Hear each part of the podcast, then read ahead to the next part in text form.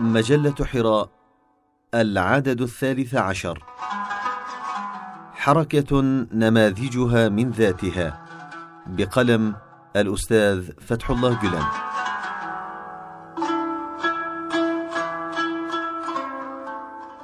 في هذا المقال أحب أن أتحدث عن موضوع يقتضي خلق الوفاء تناوله وهو في الوقت نفسه موضوع يصعب الحديث عنه لأنه يشبه قصص البطولة القريبة من الأساطير. ولا أدري في الحقيقة هل تستطيع مقالة أن تحيط في إطارها حركة البعث والإحياء التي بدأت فسائلها ونبتاتها الصغيرة تورق في أرجاء المعمورة. لا أظن هذا. فمعلوماتي في هذا الموضوع منحصرة فيما شاهدته في أفلام الفيديو وشهادتي هنا بمسموعاتي. وقلمي أسير لقريحتي ولا أدري متى تتجلى حقيقة ما تم ومعاني ما جرى. أيا ليت شعري ماذا يمكن أن نقول في هذه الحال؟ لذا فكل ما يمكنني في هذا الأمر هو القيام بتصوير زهرة أو وردة واحدة تمثل جميع الأزاهير والورود. فكيف يمكن بصورة ميتة لزهرة واحدة تصوير جمال بستان بأكمله بستان بزهوره ووروده مع أن لكل زهرة لونها ولكل وردة جمالها الخاص بها؟ من الواضح استحالة هذا الأمر ومع هذا فإنني أعتقد بضرورة إظهار مثل هذه الجرأة لدعوة أرباب القلوب والعلم كي يسجلوا ملحمة العصر هذه ويشرحوها. فإن استطاعت محاولتنا هذه دفع بعض أرباب الهمة إلى البدء في هذه المهمة فإن محاولتنا تكون قد وصلت إلى هدفها. اذا فمهما كان الأسلوب ومهما كان مستوى التعبير فيجب شرح هذه الملحمة لإيداعها في ضمير التاريخ اولا. ثم لأداء حق ودين الوفاء للأبطال الذين نذروا أنفسهم لها وأنجزوها وحققوها. فإن لم يتم شرح هذا النسيم الرقيق الذي هب في أرجاء الأرض في وقت قصير ولم تتم الإشادة بهذا الهواء الدافئ وبهذا الفكر النضر وبموجات الحب وقبول الآخر التي تموجت بها أرجاء الأرض فإن هذا يكون جحودا وقلة وفاء وضعفا في الشهامة وعدم احترام وتوقير لمثل هذه الخصال السامية. إن هذه الحركة ظاهرة يجب أن تشرح ويتم الوقوف عندها بشكل جدي. فقد قررت فئة قليلة ملك الحب قلبها أن تنطلق لنيل رضاه تعالى إلى المشرق والمغرب وإلى أرجاء الأرض جميعا في وقت لم يخطر فيه هذا بخاطر أحد. انطلقت دون أن تهتم بآلام الغربة وبفراق الأحبة ملؤها العزم والثقة. طوت في أفئدتها بعشق خدمة الإيمان لواعج الفراق وحب الوطن وآلام فراق الأهل والأحبة. قليل من الناس شعروا مثلهم وعاشوا الجهاد في سبيل الله مثلهم وقالوا وهم ينتشرون في المغرب وفي المشرق مثلما قال حواري الرسل خضنا دروب الحب فنحن مجانين. الشاعر نيجاري.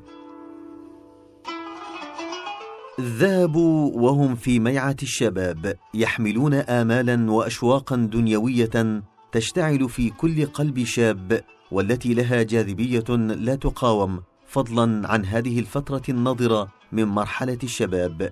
ذهبوا في عصر طفت فيه المادية والأحاسيس الجسمانية على المشاعر الإنسانية وهم يكبتون تلك المشاعر والآمال المشتعلة في صدورهم باشتياق إلى وصال آخر أقوى منها وأكثر التهابا وتوهجا وهم ينتشرون في مشارق الأرض ومغاربها ويسيحون حاملين في أفئدتهم تلك الجذوة المشتعلة من نشوة الرعيل الأول.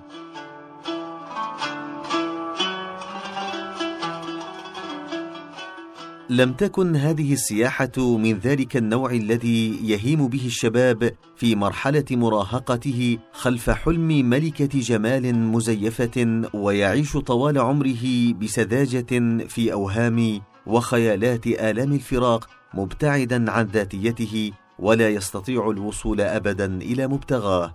أما سياحة هؤلاء الأفذاذ فسياحة واعية ملؤها المشاعر الصادقة والإرادة الحازمة والإخلاص الصادق العميق.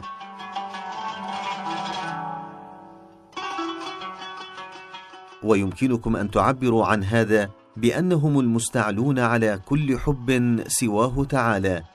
المجاهدون في سبيل دعوتهم ديناميكيتهم الإيمان دوما وأحوالهم الطبيعية العشق ومبتغاهم نذر أنفسهم لله تعالى وأسوتهم النور الخالد صلى الله عليه وسلم. أجل لم يتعثر هؤلاء لطبع أنفسهم ولم يستسلموا أمام العراقيل. الحب الوحيد الذي لم يبهت في أفئدتهم كان حب الله ومحاولة كسب رضاه والوصول إلى الحق تعالى. لذا شدوا رحالهم إلى أبعد زوايا العالم. ساروا في هذا الطريق فافتخر بهم الطريق وسعد بهم الربانيون وشقي بهم الشياطين. ساروا دون خيل ولا عرب لا سلاح لهم ولا ذخيرة. الإيمان العميق الذي كان يعمر قلوبهم ويتفجر فيها كالحمم كان منبع قوتهم وقدرتهم. وهدفهم المرسوم في آفاقهم سعادة الإنسانية ورضوان الله تعالى. حظوظهم كحظوظ الحواريين والصحابة. وصلوا في عفتهم وطهرهم إلى عفة الملائكة الأطهار. وسجلوا ذكريات ملاحم لا تنسى ولا تمحى. واسالوا في كل مكان وصلوا إليه نورا دفاقا من الأزل. أشعلوا المواقد في كل مكان ونشروا في لهيبها وجمرتها ودخانها الأمن والطمأنينة. تهاوى سحر الظلم والظلام طار نوم خفافيش الإلحاد. تعالت شكايات واحتجاجات الظلام كله تصاعدت موجات الكذب والافتراء والزور وارتفع ضجيج الفكر الفج والتعصب. توجهت السهام نحو الفكر الحر ووضعت المصائد المميتة للإيمان ولكن جميع هذه المحاولات اليائسة كانت سدى. فقد انتشر النور في كل الأرجاء ولف النور الآتي من الأزل بأكملها. لقد أصبح العهد عهد الأرواح النيرة وصار الزمان زمانهم.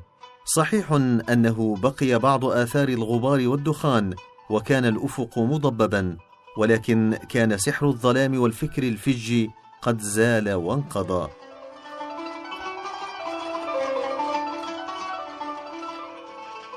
لقد أصبحت الكلمة الآن لأصحاب الأرواح النيرة. ستكتشف الإنسانية بهم نفسها من جديد وستأخذ مكانها الصحيح في كيان الوجود. لذا كان هؤلاء هم الجيل المرتقب. هم المنتظرون من قبل الإنسانية في كل مكان.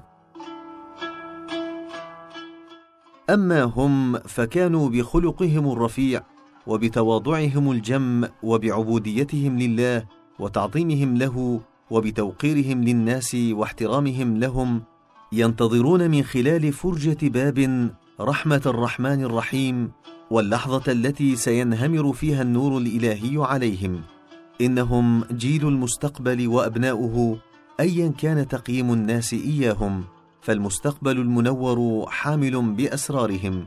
كل فرد من هؤلاء السعداء حواري الإحياء والإنقاذ ضمن طاقته حاملين بأيديهم باقات من ورود الصداقة وعلى شفاههم أناشيد الأخوة. أقوالهم الفاصلة كالفيصل المهند تغذى من شلال القرآن. أحاديثهم ذات أبعاد أخروية. كلماتهم وأحاديثهم كانت تبيد الظلام وتزيله دون أن تجرح أحدا. إنها كانت تطبع صوت خرير ماء الكوثر في الآذان دون أن تترك أثر حسرة عند أحد. والحقيقة أن هؤلاء لا يحتاجون لا إلى يد ولا إلى لسان.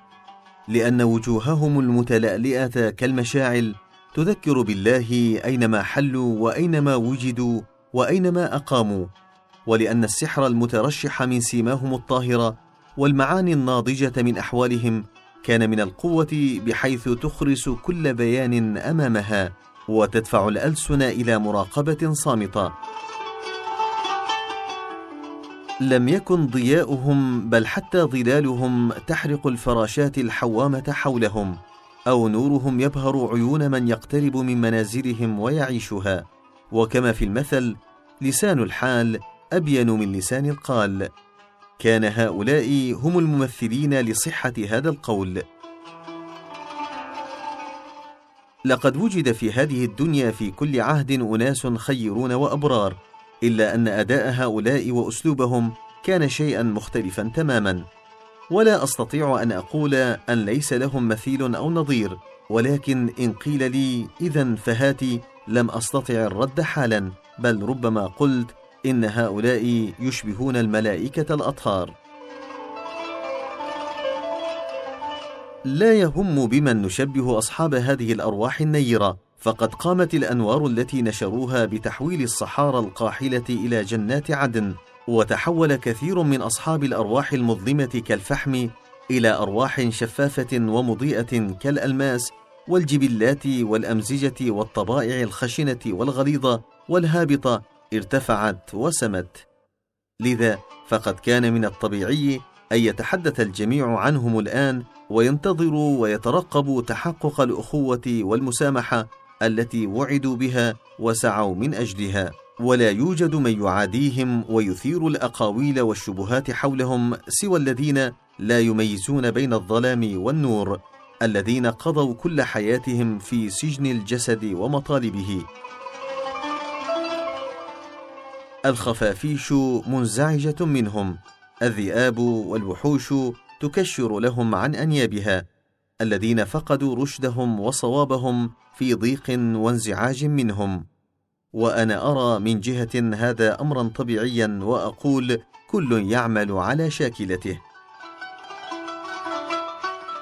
ومهما كان من أمر قيام بعضهم بإطفاء الشموع هنا أو هناك فهم ينيرون القلوب الظامئة أينما حلوا أو ارتحلوا وينبهون الفطر السليمة والطاهرة إلى ما وراء أستار الأشياء والحوادث ويسقون السجايا السليمة القيم الإنسانية.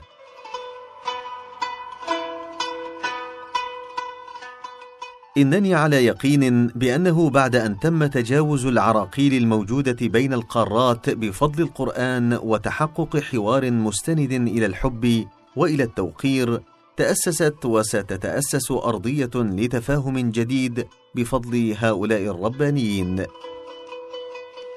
لقد عرفت الإنسانية في الماضي أمتنا بأنها أمة مستبشرة قد ضحك لها حظها فما المانع أن تكون اليوم أيضا كما كان الحال من قبل. بينما نرى أن شلالا من الحب بدأ يهدر فعلا بين الناس في كل مكان وصل إليه هؤلاء المهاجرون في سبيل غايتهم.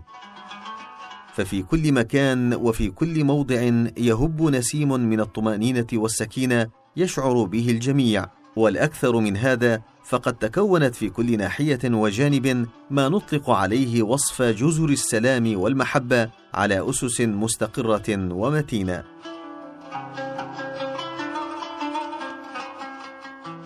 ومن يدري فقد يتحقق في المستقبل القريب بفضل هؤلاء المخلصين النادرين أنفسهم لفكر البعث والإحياء تأسيس الصلح بين العقل والقلب مرة أخرى فيكون كل من الوجدان والمنطق أحدهما بعدا مختلفا للآخر وتوضع نهاية للنزاع بين ما هو مادي وبين ما هو ميتافيزيقي حيث ينسحب كل منهما لساحته ويجري كل شيء في طبيعته وماهيته ويجد إمكانية التعبير عن نفسه وعن صور جماله بلسانه. ويتم اكتشاف التداخل الموجود بين الأوامر التشريعية والأسس التكوينية من جديد ويشعر الناس بالندم على ما جرى بينهم من خصام وعداء لا موجب له وسيسود جو من السكينة والهدوء الذي لم يتحقق تماما حتى الآن في الشارع وفي السوق وفي المدرسة وفي البيت وتهب نسائمه على جميع البشرية.